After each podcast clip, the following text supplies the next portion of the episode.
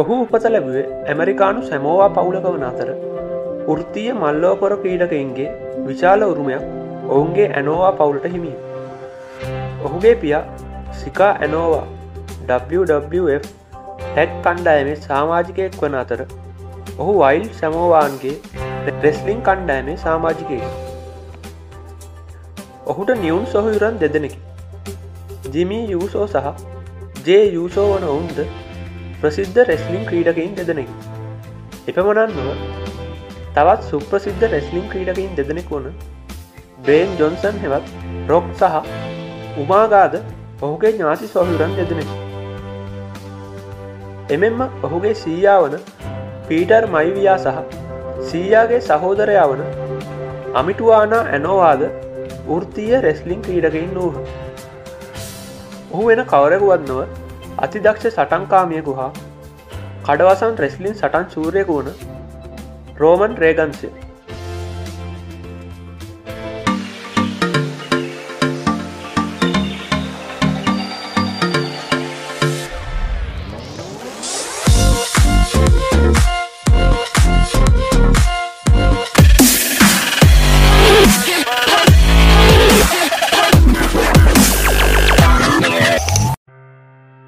කුඩා රෝමන් පාසලේදී පාපන්දු ක්‍රීඩාවට මහත් ආසා කළ අතර ඔහුගේ පාසලේ පාපන්දු කණ්ඩාවට ක්‍රීඩා කළේ ඔහුගේ පාපන්දුදිගේ මුල් වසර තුන පෙන්සැකෝලා කතෝලික උසස් පාසල් කණ්ඩායමටද ඉතිරි වසර එස්කැම්බියා ජේෂ්ඨ උසස් පාසලේ පාපන්දු පිලටද ක්‍රීඩා කළේ ඔහු ජේෂ්ඨ උසස් පාසල් කණ්ඩාවට ක්‍රීඩා කරන සමේ වසරය හොඳම වලක්වන්නාට හිමි සම්මානය දිනාගත්තේ ඔහුගේ දක්ෂතා නිසාම ඔහුව ජෝජයා ජෙලෝජකට් කණ්ඩායමටද තෝරා ගන්නා ලදී.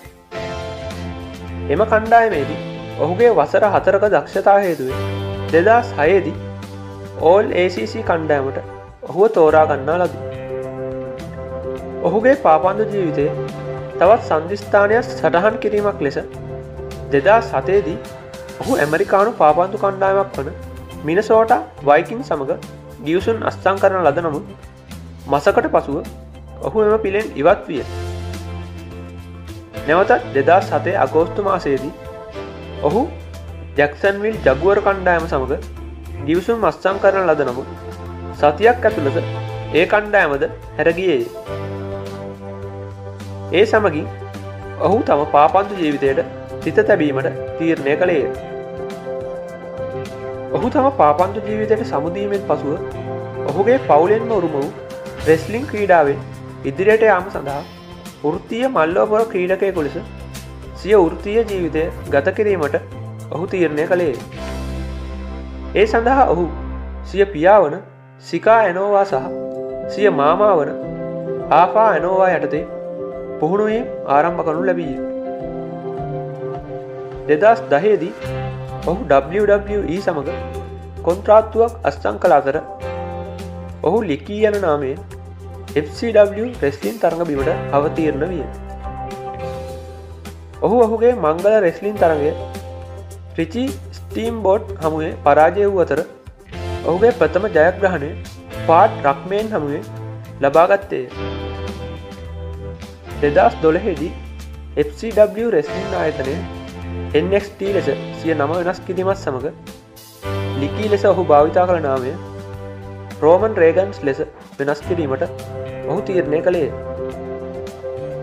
NXT රෙස්ලින් තරඟ බිමේ තරඟ තුනක් ක්‍රීඩා කිරීමේ අනතුරුව ඔහු තනිව ක්‍රීඩා කිරීම අතහැර සෙත් රෝලිංස් හා ඩීන් ඇම්බරෝස් සම එක්වී තුන් දෙනෙකුගෙන් සමන්විත කණ්ඩායමක් ලෙස තරඟබීමට අවතීරණ විය. දෙදස් දාහතරේදී WWE ආයතනයට රෝමන් රේගන්ස්ව මීළඟ ජෝන් සීනා ලෙස කිරීමට අවශ්‍ය විය. එම වසරේදී ඔහු රෝයල් රම්බල් තරඟබිමේදී එක් තරඟයකදී ප්‍රතිවාදීන් දොළහක් සමඟ එක්වර සටන් කර නව වාර්තාවත් තැබීමට සමත් විය. ඒ දෙදස් එකොළහෙදී තවත් අතිදක්ෂ රෙස්ලින් ක්‍රීඩකය වූ කේන් විසින් තැබූ වාර්තාවක් බිඳහෙලීමක් විය.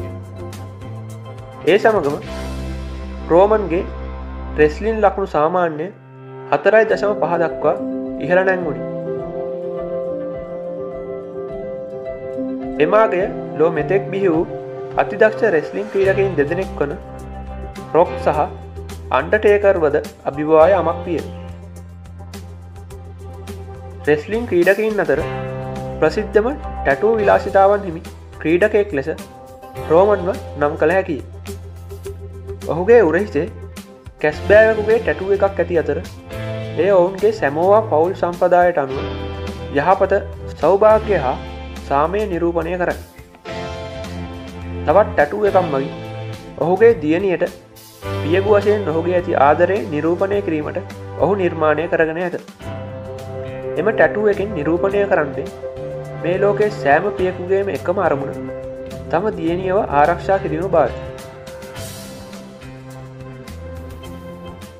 රෝමන්ට තම බිරිඳ ගැලීනාව මුණකසෙන්නේ ජෝජයා තාක්ෂණික ආයතනය සිසුන් ලෙස අධ්‍යාපනය ලබන අතරතුරේදී.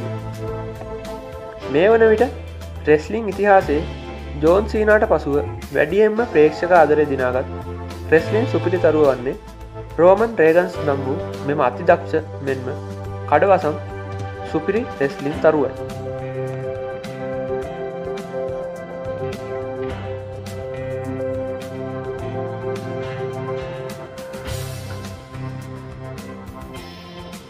එහෙනම් මේ වගේම සිංහල මෝටිවේශනල් වීඩියෝ එකකින් ආයෙත් හමු වෙනකම් අදට සමුගන්නවා.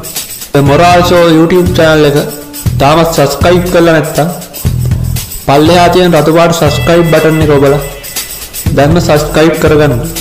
අපේ Facebook page එකට like එකක් දාන්න. Instagram අපිව follow කරන්න. TikTok අපිව follow කරන්න. අපේ Telegram group chat එකත් එක්ක හදම එකතු වෙන්න. අපේ සෝෂල් මීඩියාස් වල ලින්ක්ස් පහළ තියෙන ඩිස්ක්‍රිප්ෂන් එකේ දාලා තියෙන්නේ. එහෙනම් ඕගොල්ලන්ට සුබ අනාගතයක්.